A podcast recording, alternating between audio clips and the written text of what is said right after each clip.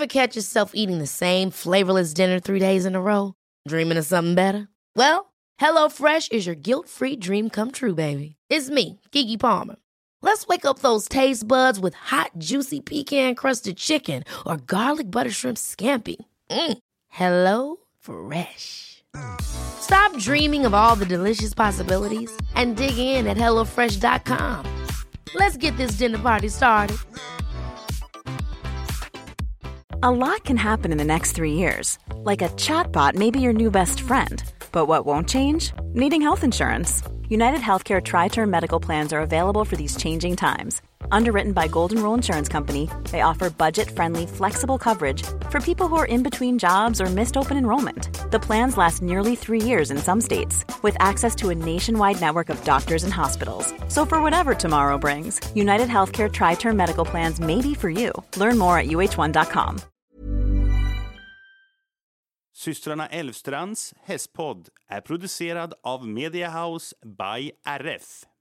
Hej allesammans och varmt välkomna till avsnitt nummer 10 av systrarna Elfstrands hästpodd. Nu kör vi igång en eh, ny liten grej här i vår podd. Jajamän, jag blev lite distraherad av att du sa allesammans. Jaså? Har du någonsin sagt det ordet förut? Allesammen? All, Hej allesammen. Ja, vi har kanske sagt det på norska, men inte på svenska. Men eh, ja, väldigt gulligt ord i alla fall. Ja, ursäkta mig för att jag försöker att förnya lite här. Ja, i alla fall. Vi har ju tänkt att köra igång med ett så kallat frågeavsnitt var tionde avsnitt. För bland annat i Tom och Petters podd som jag lyssnar på så har de det. Så då tänkte jag, varför inte kopiera ett vinnande koncept till vår podd? Du stjäl deras koncept alltså? Ja men lite grann, fast våra frågor kommer då vara inriktade på hästar, vilket inte deras är av förklarliga skäl. Ja. och man har ju kunnat skicka in frågor till oss via Instagram så att vi kan rekommendera att följa oss där. Och eh, vi heter ju systrarna Elfstrand. Så ifall det blir fler gånger så kommer ni kunna skicka in frågor här. Och har ni såklart inte Instagram så går det att skicka på mail också. Ja, precis. Men den absolut vanligaste frågan vi har fått nu upptäckte jag, det är ifall vi har planer på fler hästar. Okej Emma, ett, två, tre. Nej! Fyra hästar är more than enough får man ju säga. Ja men verkligen, alltså vi är ju så tacksamma över våra fyra hästar varje dag men alltså det är verkligen tillräckligt. Nästan mer än tillräckligt. Ja, alltså vi är ju hobbyryttare och har liksom inga vad ska man säga, planer på att tävla några högre klasser. Så att ha liksom mer än två hästar att rida per dag, nej det hade inte funkat. Alltså jag kan väl säga att jag har väl lite mål att rida högre klasser men inte på det viset. Nej, exakt. Inte på tävling, alltså tjäna pengar nivå liksom. Så då är Nej. det ju helt onödigt. Nej, utan vi ville hellre kunna lägga tid på de hästarna som vi har, kunna hinna mentalträna och allt vad det är, för det tar ju tid. Hinna med vårt jobb, hinna med att ha ett socialt liv utöver det hela. Mm. Så svaret på den frågan är helt enkelt nej. Den enda planen det är ju egentligen att Bella, hon ska ju bli morsan någon gång i framtiden. Och då kommer det bli fler hästar. Ja men exakt så egentligen ett nja då kanske. Nja. Men när har du tänkt det då? Ja, vem vet. Jag brukar säga att det hade varit smidigt om eh, vi hade kunnat eh, planera in våra pregosar samtidigt. Mm, jo, sant faktiskt. Ja, nej, jag får se. Inte, inte än i alla fall. Hon är fortfarande så ung så man kan egentligen vänta relativt många år skulle jag säga.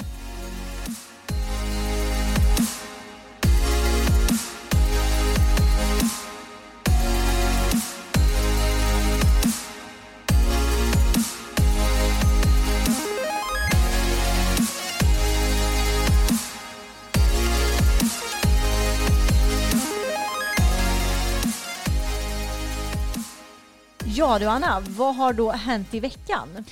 Ja, alltså jag har ju varit hos tandläkaren återigen. Det är ju lite lustigt för att eh, vi har inte, eller ja, du och jag var inte hos tandläkaren på flera, flera år. Jag tror att det var fyra år för mig och typ fem år för dig. Ja, fem år för mig. Mm.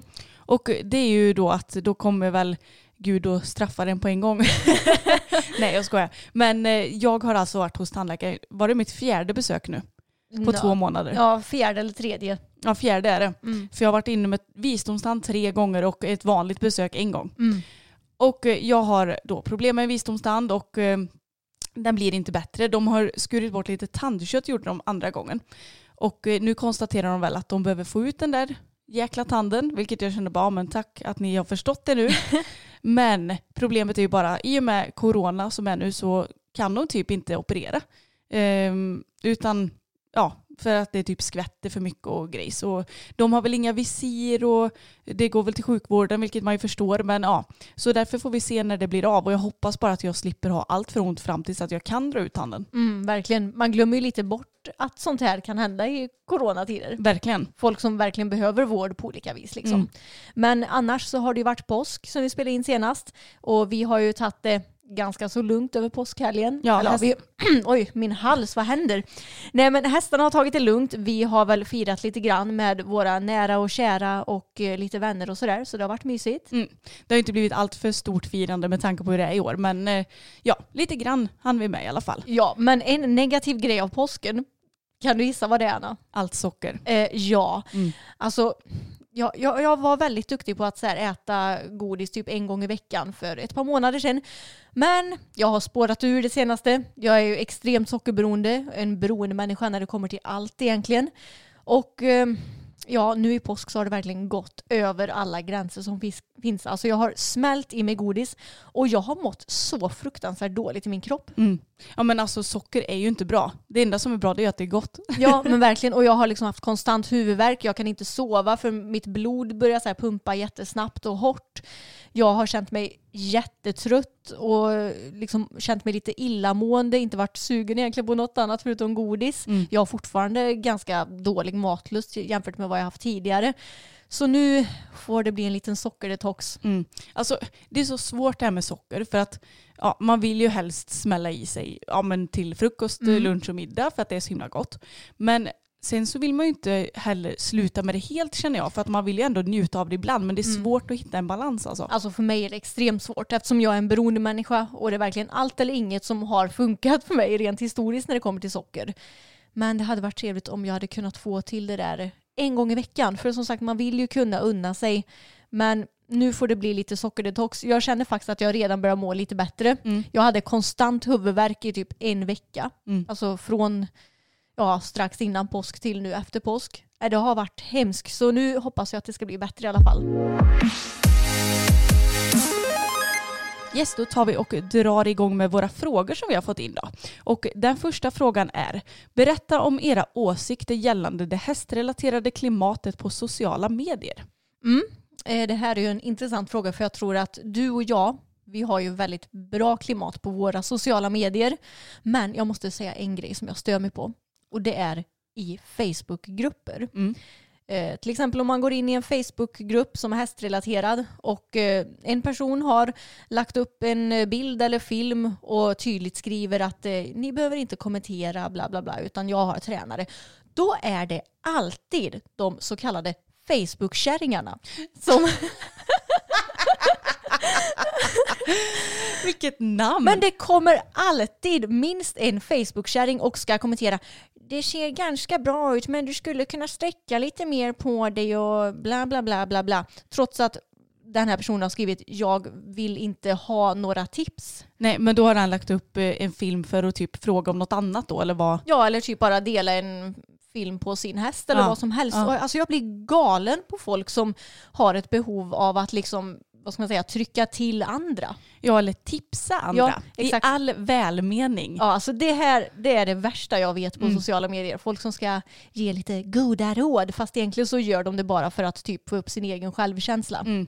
Det, det är ju lite, alltså det är ju verkligen lite åt mobbinghållet. Mm. Även om man kanske inte ser det själv så är det ju verkligen så här att ja, men eh, ett litet tips är att eh, gör så här så blir du bättre. Då anser man ju lite att ja, men det här är ju dåligt. Liksom. Mm, precis, och som sagt, folk har ju redan tränare. Mm. Vill man ha tips så ber man om tips från sin tränare. Det är en annan grej om man säger konkret, jag vill ha tips om det här. Ja, självklart. Men annars så, jag blir så trött på besserwissrar som finns och av liksom erfarenhet så är det oftast lite äldre kvinnor som härjar i liksom kommentarsfältet på typ Facebook. För det är också där de flesta äldre människor hänger. Ja, och eh, det är klart att det kan finnas yngre också, men då, de tänker att de mer förstår inte riktigt alltså allt om, runt omkring. Nej. Så det är ju inte så konstigt. Men eh, jag får säga att om man nu ska tänka på typ Instagram och sådär så är jag ju förbannat trött på att folk bara lägger upp så här fina videos, det är liksom snygga outfits med nyaste schabraket och linderna från ett eh, fancy märke som kostar typ 5000 spänn och eh, gör massa eh, krumelurer eller hoppar högt. Alltså man visar ju aldrig det här skitiga och ja, men att man gör något fel eller sådär. Mm. Och det kan jag bli lite trött på. Mm, jag håller med. Jag tycker det är mycket mer inspirerande med folk som vågar visa både upp och nedgångarna helt enkelt. Mm. Men eh, alltså överlag på typ Instagram och sådär så tycker jag sällan att jag ändå läser negativa kommentarer i, inom hästvärlden. Och det kanske är för att, ja det är klart att det går att fejka en Instagram-profil, men ofta så är det ju ens privata och då kanske det blir ett bättre klimat än på till exempel bloggar. Mm. För där kan man ju vara anonym mycket enklare och även på YouTube tror jag man kan vara anonym enklare. Ja det kan man säkert. Mm. Nej, så att jag är lite trött på den här perfekta ytan bara. Men annars så känns det ju som att klimatet är bättre som du säger. Ja men det tycker jag med. Jag tror faktiskt att det var värre förr i tiden. Mm. När det var många som bloggade och sådär. Mm. Det är värre på Facebook. Ja, det är nog värre på Facebook. Då är det dags för fråga nummer två. Vad är era tips till någon som inte har ridit på några år men som gärna vill börja? Ja, och då förutsätter jag att den här personen har ridit förr då. Ja, precis. Ja, och alltså jag vill verkligen slå ett slag för ridskolor. För det är ju inte så himla lätt kanske att, eh, ja men har man haft ett längre uppehåll att bara ge sig ut och skaffa en egen häst eller leta upp någon medryttarhäst utan det kan nog vara bra att ha ja, men några månader, ett halvår, något år på ridskola i, i bagaget liksom innan man ger sig ut på något ja, men lite större äventyr eller vad man ska säga. Ja, men jag tänker att man behöver ju ändå kontrollera att ens intresse fortfarande finns där. Precis. Det blir ju lite jobbigt om eh, man lite spontant bara nu ska jag köpa en häst när jag inte har ridit på några år Ja. och sen så bara ja just det, det var så här mycket jobb det innebar med egen häst. Ja men absolut, så det kan ju vara väldigt bra att börja lite lätt eller vad man ska säga. Inte för att ridskola är lite lätt, men ni förstår vad jag menar så att man inte är uppbunden till något eh, ja men privat så. Ja exakt och sen så kan man ju trappa upp det hela, kanske skaffa medryttarhäst, foderhäst kanske om man känner sig eh, att man vill utveckla sig ännu mer och sen då kanske till slut egen häst ifall du känner att du har tid och råd helt enkelt. Vad är ett bra sätt att putta ut hästen om man rider till exempel på volt och den drar sig mot mitten? Mm. Det här är en perfekt fråga för dig att svara på Emma. Ja det är så kul för vi pratade ju lite om det här i förra avsnittet att när jag var yngre så vek jag mig jättemycket i midjan så att hästarna gick jättemycket inåt mitten ena varvet och de trycktes utåt i andra varvet. Så det första jag skulle säga är att kontrollera hur du själv sitter.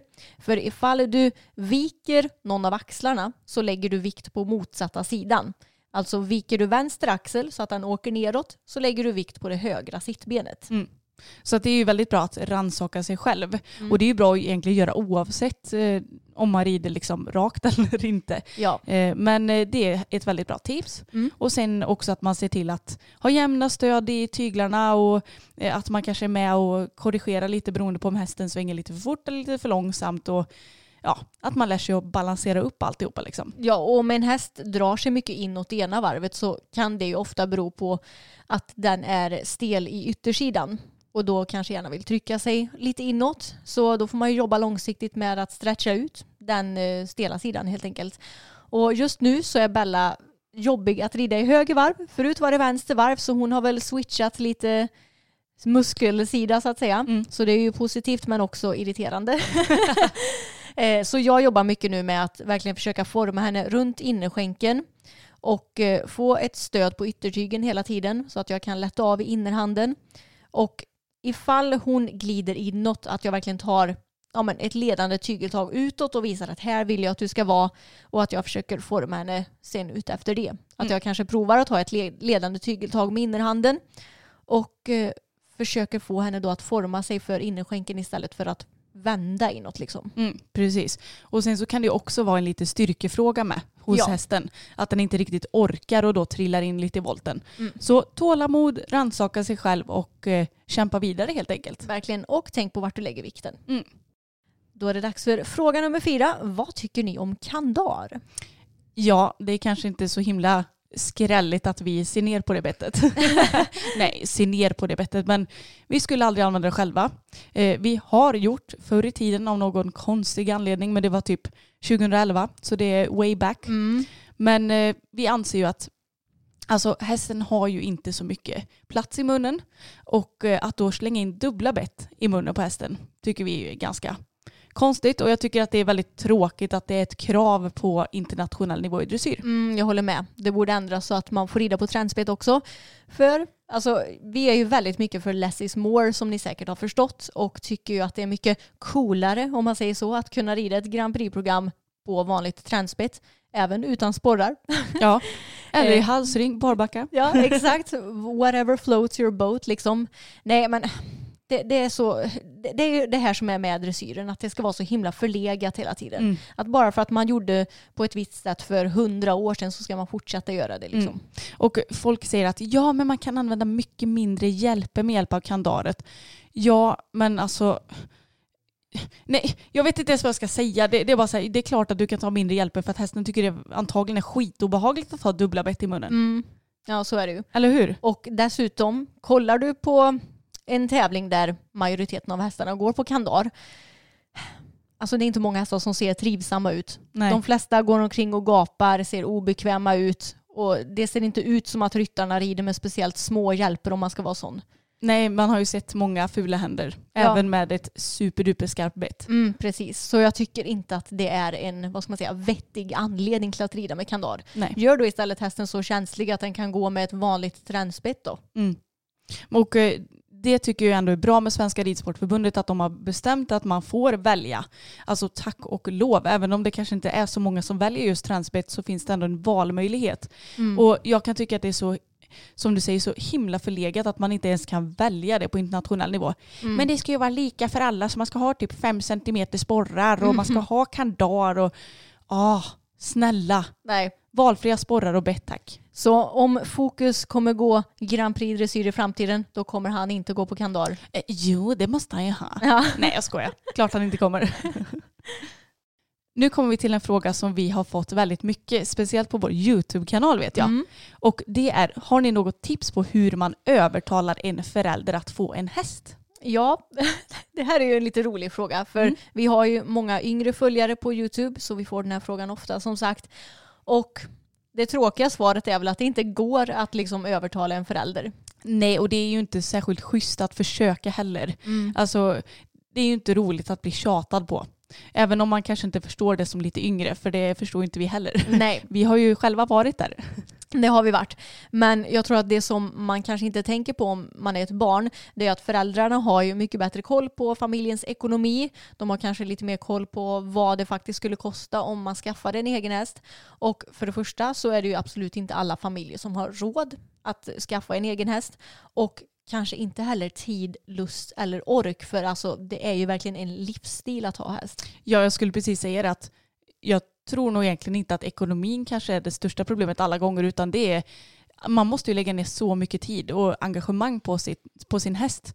Det är inte som att skaffa en katt. Det är klart att man ska lägga tid på den också men det är ju inte Ja, man behöver inte lägga flera, flera timmar i sträck på den. Liksom. Nej, precis. Och har, är dina föräldrar inte hästintresserade från början då tror jag det kan vara väldigt svårt för dem att eh, känna sig motiverade till det här. Mm. Jag menar, vi hade ju turen att vi hade en pappa som var hästintresserad. Gud ja. Annars hade säkert inte vi fått egen häst tror jag. Nej, det tror jag verkligen inte.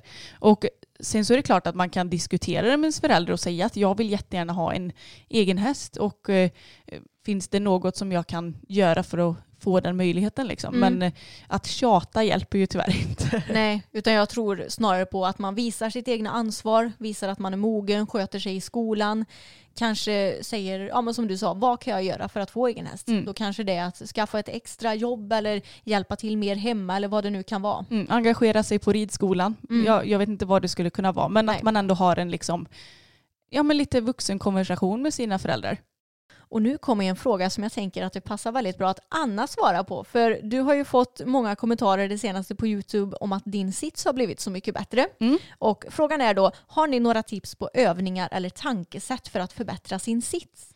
Ja, eh, alltså det första jag skulle säga är att lägga lite tid på att träna bålen. Eh, det här är något som jag har gjort väldigt mycket och eh, det har hjälpt mig otroligt mycket att bli mycket mer stabil i sadeln och eh, orka liksom sitta kvar i den position jag sätter mig i. Sen så är det också väldigt viktigt att man sätter sig lite längre fram i sadeln. För många sätter sig kanske bara rakt upp och ner och tänker inte så mycket på det. Men något som är bra att tänka på det är att försöka att liksom få in rumpan in under sig. Sätta sig ganska långt fram i sadeln och verkligen sitta på sittbenen och ja men typ snippbenet kan man tänka. Blygdbenet. Blygdbenet heter det ja. Tack. det här med kvinnans anatomi det har inte jag koll på. Nej. Eh, nej men så att man verkligen sitter stabilt och hittar en position där man kan ja, men sitta bra i traven så att man inte lutar sig bakåt eller framåt utan Mm. att man är stadig. Mm. Och det kräver tid och det kräver träning. Ja, verkligen. Och eh, sen är det också bra om man har en sadel som passar sig själv. Ja, Det kan verkligen hjälpa eller stjälpa med olika sadlar. Kan vi ju lugnt säga. absolut. Eh, och något som jag tycker är bra. Alltså jag har ju historiskt sett nu ridit hästar som är extremt svåra att sitta på i traven. Alltså Boppen och Bella. Oh my god, de är riktigt, riktigt jobbiga att sitta på i traven. Om jag sitter på andra hästar så känns det typ som att sitta i en soffa. Känns det. Ja. och eh, när jag då säger att jag har bestämt mig för att dressyrträna och ska då träna på att sitta ner i traven, då försöker jag att eh, testa lite grann. Vad händer om jag lutar mig lite bakåt? Vad händer om jag lutar mig lite framåt? Vad händer om jag gör så här med mitt bäcken? Om jag vinklar det hit och dit?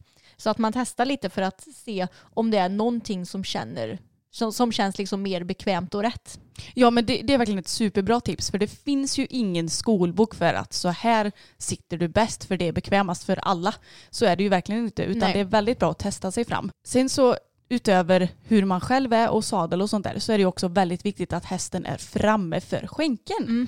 För är den inte det då får man sitta och kämpa på att den ska springa framåt och man sitter gärna och kniper och man driver och så går hästen ändå bakom en liksom.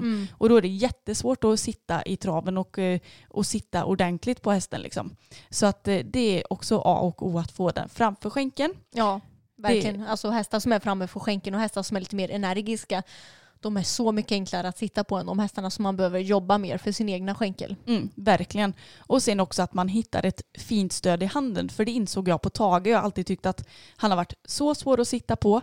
Men helt plötsligt när jag fick lite mer stöd i min hand så bara oj, för då kom han ihop sig mycket bättre. Det handlar inte om att jag har mer balans i handen utan det handlar mer om att han får under sina bakben lite mer in under sig och jobbar lite mer med ryggen så att han liksom rör sig på ett annat sätt och då är det lite enklare att sitta. Så verkligen jobba på styrkan med hästen där också. Ja, så det har blivit en enorm skillnad på Tage. Mm. För jag tyckte ju han var svinjobbig att sitta på förr i tiden också. Sen så provade jag honom för ett par månader sedan i dressyrsadeln och bara wow vad enkel han är att sitta på. Och eh, jag hade inte gjort något annorlunda utan det handlar ju om att Tage har fått liksom bättre svung i sitt steg och mer bakbensengagemang. Mm. Så många hästar kan ju också bli lättare att sitta på med tiden. Ja, och sen så sits överlag, alltså det är ju verkligen träningssak och att man får försöka att tänka sig för hela tiden. Och gärna ha en tränare som säger till om man råkar välta ner handen eller om man lutar sig lite för långt fram och sådär. Och jag skulle säga att ren sitsträning, det har aldrig hjälpt mig särskilt mycket. Nej. Att man liksom ska longeras typ på en volt och, och, så, och så får man liksom direktiv hur man ska sitta. Utan jag tycker ju att det svåra är när man ska göra rörelser samtidigt Mm. och sitta bra. Så att eh, jag skulle säga att Life is full of awesome what ifs, and some not so much, like unexpected medical costs. That's why United Healthcare provides Health Protector Guard fixed indemnity insurance plans to supplement your primary plan and help manage out of pocket costs. Learn more at uh1.com.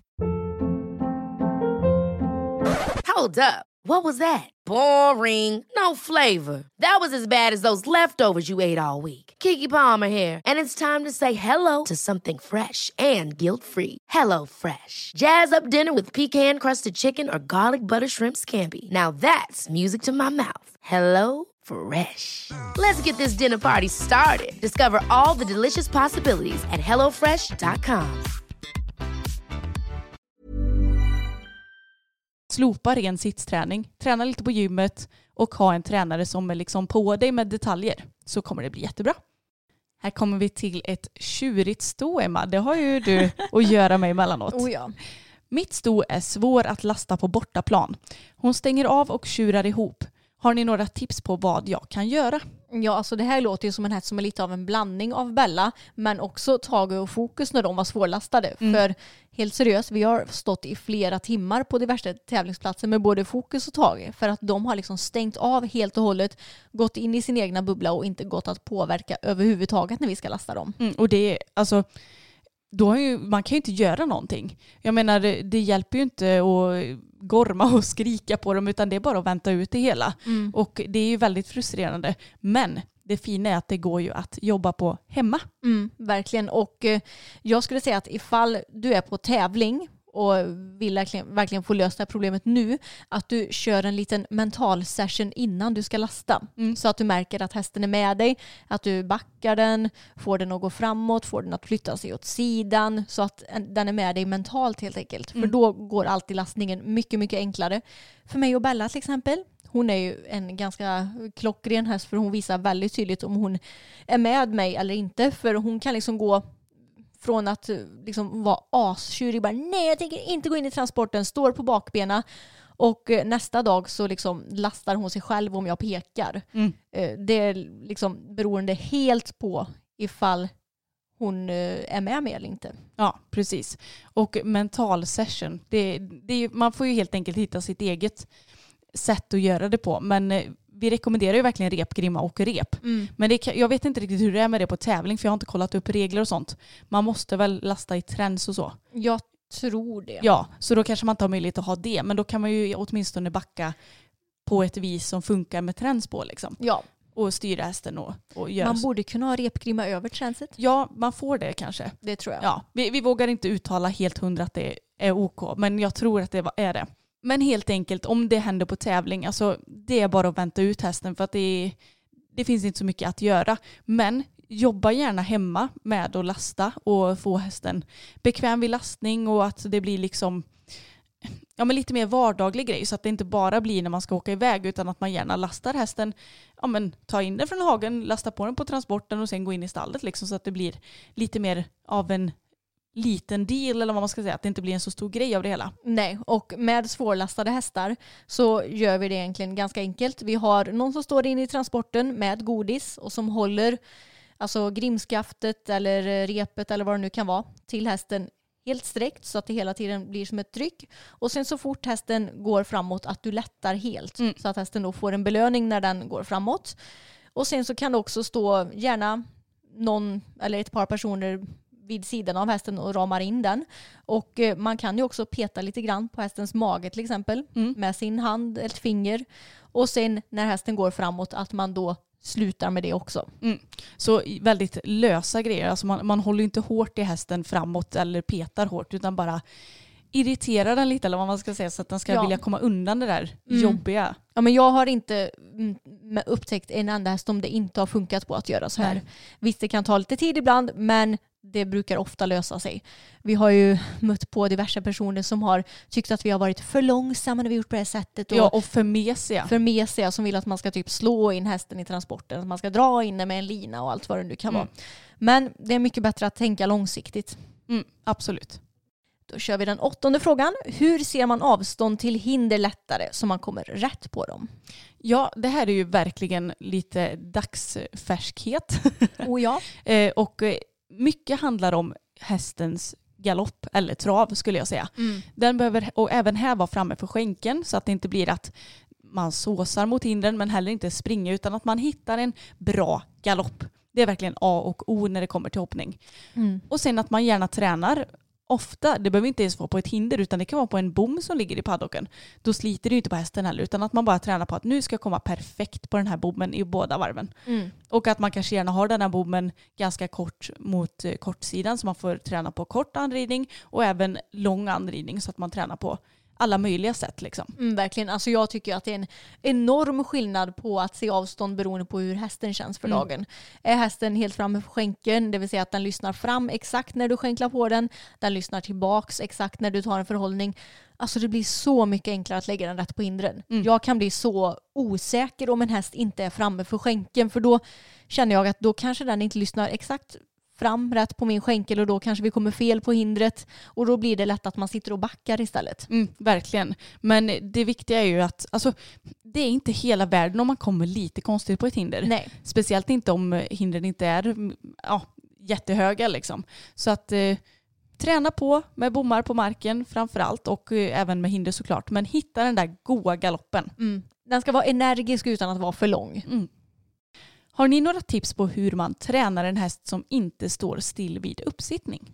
Jag tycker att det här är en lite rolig fråga för du och jag Anna, vi hatar ju när hästar inte står stilla vid uppsittning. Ja, och vi kan ju avslöja då att eh, Tage och Boppen de är sådana här smygare som Mm. smyger iväg när man har suttit upp. Mm. Och till och med det stör jag mig på egentligen. Mm. Men eh, de, de är gamla och de verkar inte förstå. Nej, och de tar typ ett eller två steg. Ja. Men jag menar det finns ju många hästar som vi har ja, ridit som inte har varit våra. Som man, liksom, man tar, sätter foten i stigbygeln och sen så fort man har liksom hoppat upp så typ springer de iväg. Ja, eller så fort man satt foten i stigbygeln så springer de iväg. typ. Exakt, alltså jag tycker det är obehagligt och det är eh, inte alls bra rent säkerhetsmässigt. Nej, det är farligt. Det är farligt. Alltså en häst ska stå still när du hoppar upp. Mm. Punkt slut. Och då får man helt enkelt träna på det istället för att bara skita i det. Som jag tror att många gör faktiskt. Mm. För Fokus han stod inte still när vi köpte honom. Nix, det gjorde han inte. Och eh, alltså egentligen så har inte han varit så jobbig att lära att stå still. Men det gäller ju att vänja hästen vid pallen för vi sitter alltid upp med pall. Så jag tar honom, ställer honom där jag vill sitta upp, tar fram min pall och så börjar jag kliva upp på den. Och skulle han då röra på sig då säger jag till honom att nej, stå still. Och så fortsätter jag. Och så gärna står jag på pallen en stund för de ska ju lära sig att Alltså de får ju lära sig att vara lite tåliga också, eller tålmodiga. Mm. Att man ska inte sitta upp på två sekunder så kan de bli klara sen. Utan de ska vara lugna och vänta oavsett hur lång tid jag tar på mig på pallen. Mm. Man kan stå där, hoppa runt lite, klappa hästen lite på rumpan, Mm. klappa hästen på sadeln. Mm. Bra. Man skulle också kunna sätta i foten i stigbygeln och sen ta ner den igen. Just Mm. för att eh, ja, träna hästen lite extra på Mm. att fot i stigbygeln betyder inte att man ska gå iväg. Nej. Och eh, sen så till slut så ja, kunde jag komma så långt att jag satte upp och sen så ska han ju vänta på min signal när jag vill att han ska gå iväg. Och inte bara ta för givet att ah, men nu sitter Märta på ryggen, då skrittar jag iväg. Nej. Och eh, det, har ju, det tog väldigt kort tid för honom att lära sig det. Mm. Och nu är han ju den bästa av våra hästar till Alltså att stå still. han står blickstilla när man sitter upp. Och i början då, när han gick iväg, typ när du hade satt dig i sadeln, då Mm. gjorde du väl halt och ryggade. Det gjorde jag. Mm. Och sen så stod jag still en bra stund Mm. innan jag bad honom att skritta iväg. Så han ska liksom förstå mina signaler, de som gäller. Ja, precis. Så egentligen är det inte så svårt. Det gäller bara att man är tydlig och eh, vad heter det? Att man, Konsekvent. Konsekvent, ja Mm. exakt. För det är nog det som är problemet, att många inte är konsekventa. Mm. Och då lär sig hästarna, ja men jag kan gå iväg. Vi har fått in en fråga där en person undrar om lösdrift och hur vi gjorde när vi vande in våra hästar. Om de blev trötta i början och om de var liksom ovana vid situationen. Hur gjorde vi Emma?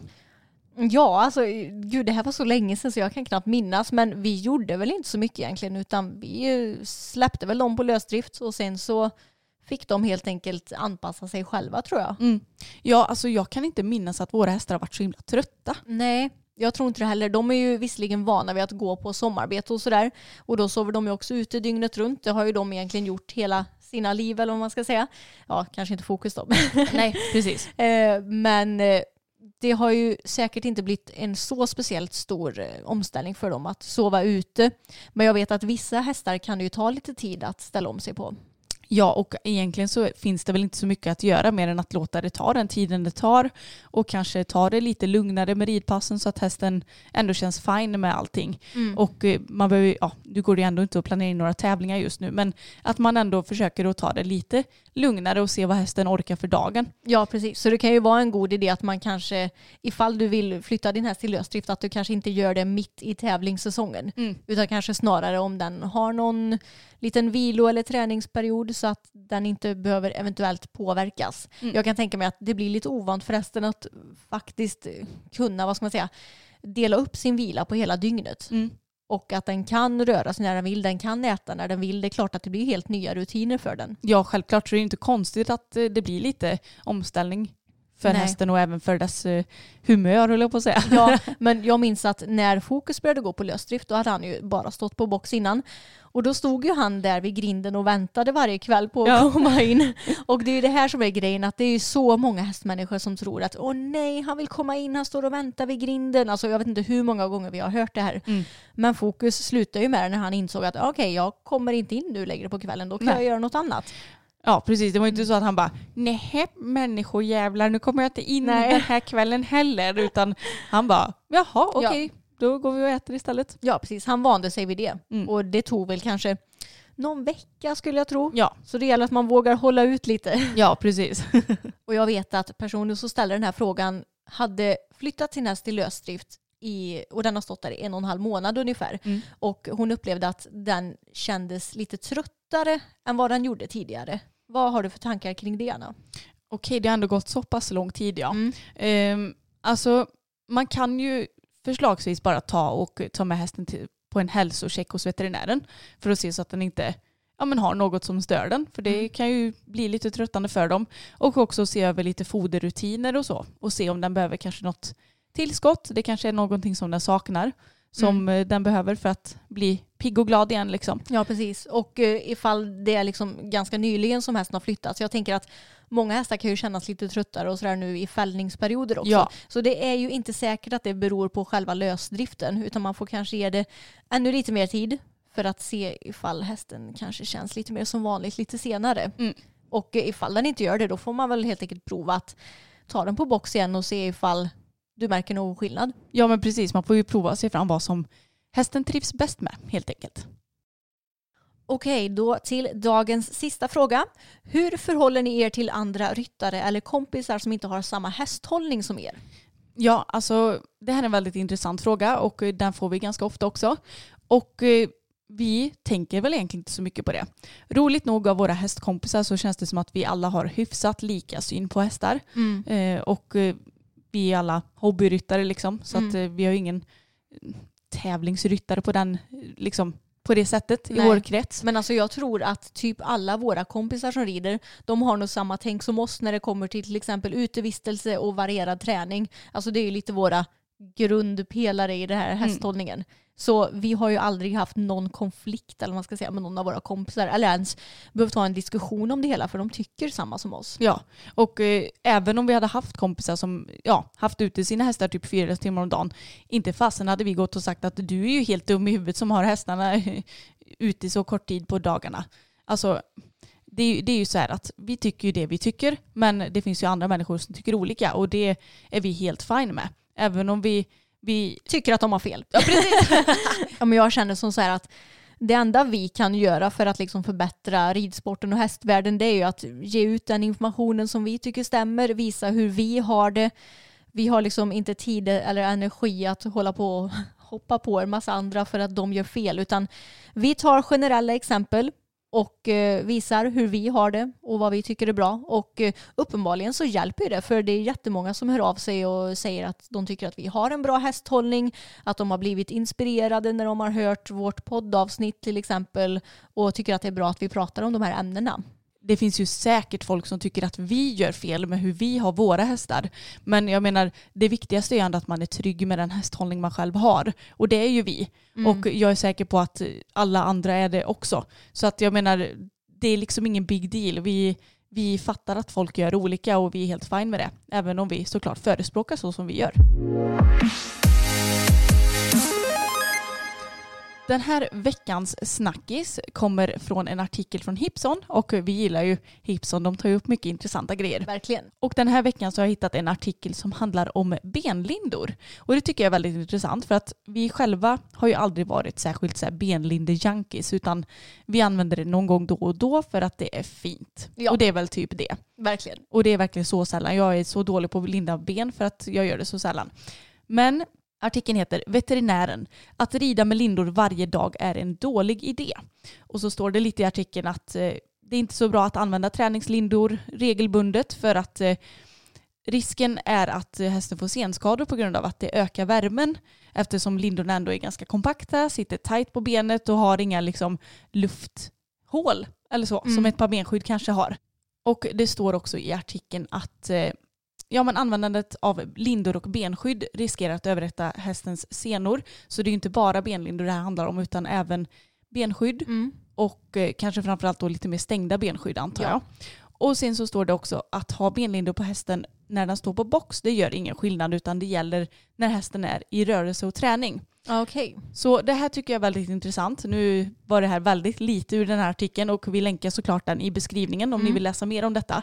Men jag tycker att det är väldigt intressant. Mm. För att du och jag har ju som sagt aldrig varit några benskydd eller benlinder junkies. Nej, och jag vet inte om det beror på att jag aldrig har liksom sett mig själv som en dressyrryttare. Utan jag har ju alltid varit allround, kanske tidigare lite mer inriktad mot hoppning.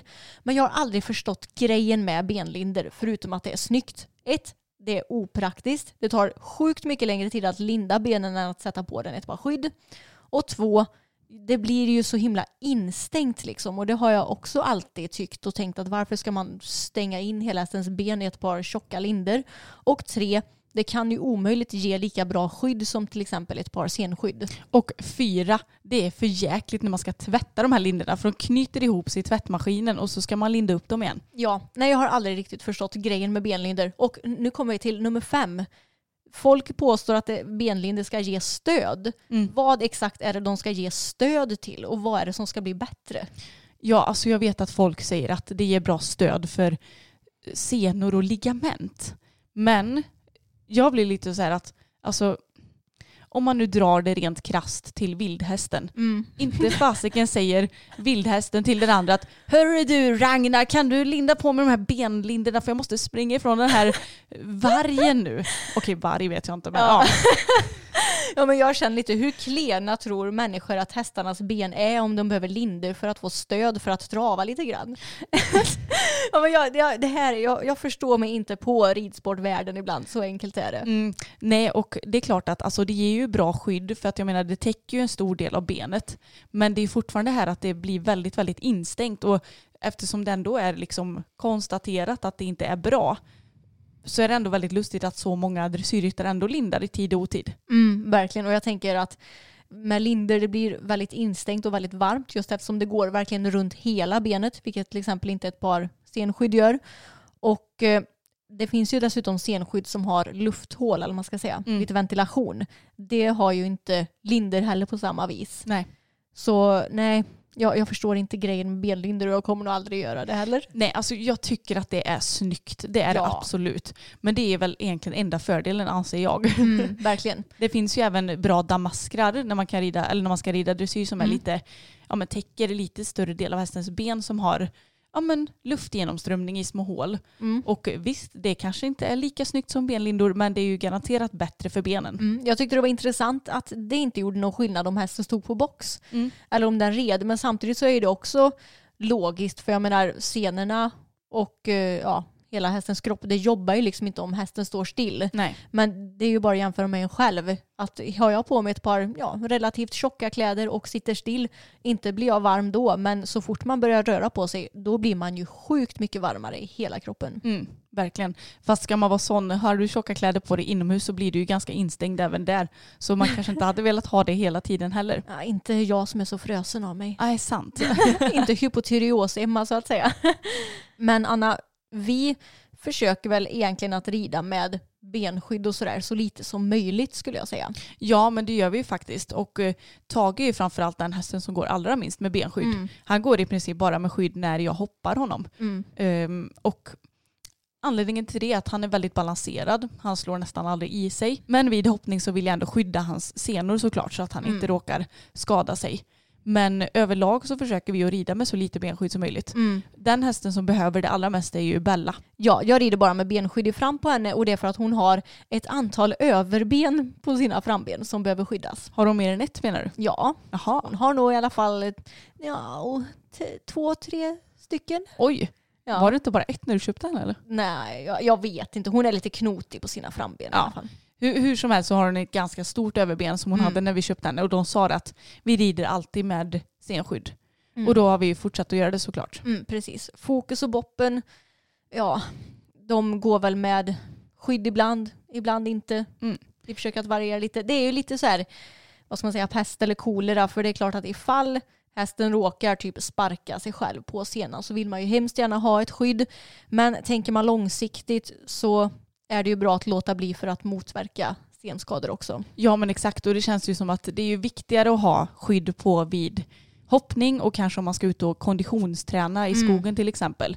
Då är det ju bättre att skippa skydden när man rider typ dressyr på banan i så fall. Ja, precis. De flesta hästar är ju ändå så pass balanserade att de inte slår i sig själva helt hur som helst. Yes, så det där var veckans snackis alltså. Håll koll på vilka skydd du har på hästens ben helt enkelt för att få den så hållbar som möjligt. Och tänk logiskt, precis som med det mesta andra. Ja. Men det var allt för den här veckans avsnitt hörni. Tack så mycket för alla frågor vi har fått in. Vi Mm. tycker att det här är så himla roligt och Ja. det känns som att ni säkert får lära känna oss på lite annan nivå när vi får svara på lite sådana här frågor också. Mm, verkligen. Och jag måste bara säga att vi fick in så extremt mycket frågor.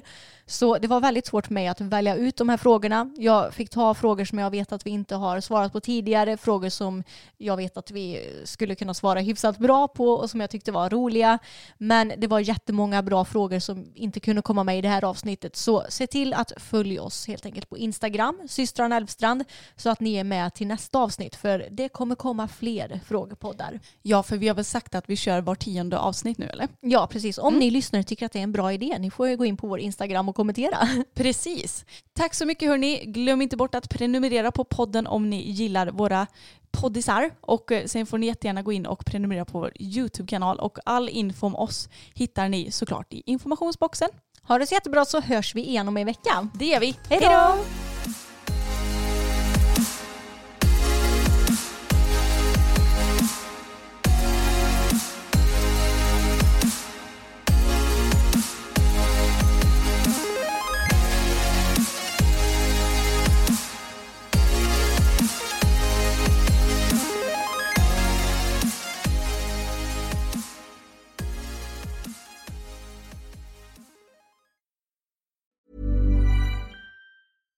Catch yourself eating the same flavorless dinner three days in a row? Dreaming of something better? Well, HelloFresh is your guilt-free dream come true, baby. It's me, Kiki Palmer. Let's wake up those taste buds with hot, juicy pecan-crusted chicken or garlic butter shrimp scampi. Mm. Hello Fresh. Stop dreaming of all the delicious possibilities and dig in at HelloFresh.com. Let's get this dinner party started. Mom deserves the best, and there's no better place to shop for Mother's Day than Whole Foods Market. They're your destination for unbeatable savings, from premium gifts to show-stopping flowers and irresistible desserts. Start by saving 33% with Prime on all body care and candles. Then get a 15-stem bunch of tulips for just $9.99 each with Prime. Round out Mom's menu with festive rosé, irresistible berry chantilly cake, and more special treats. Come celebrate Mother's Day at Whole Foods Market.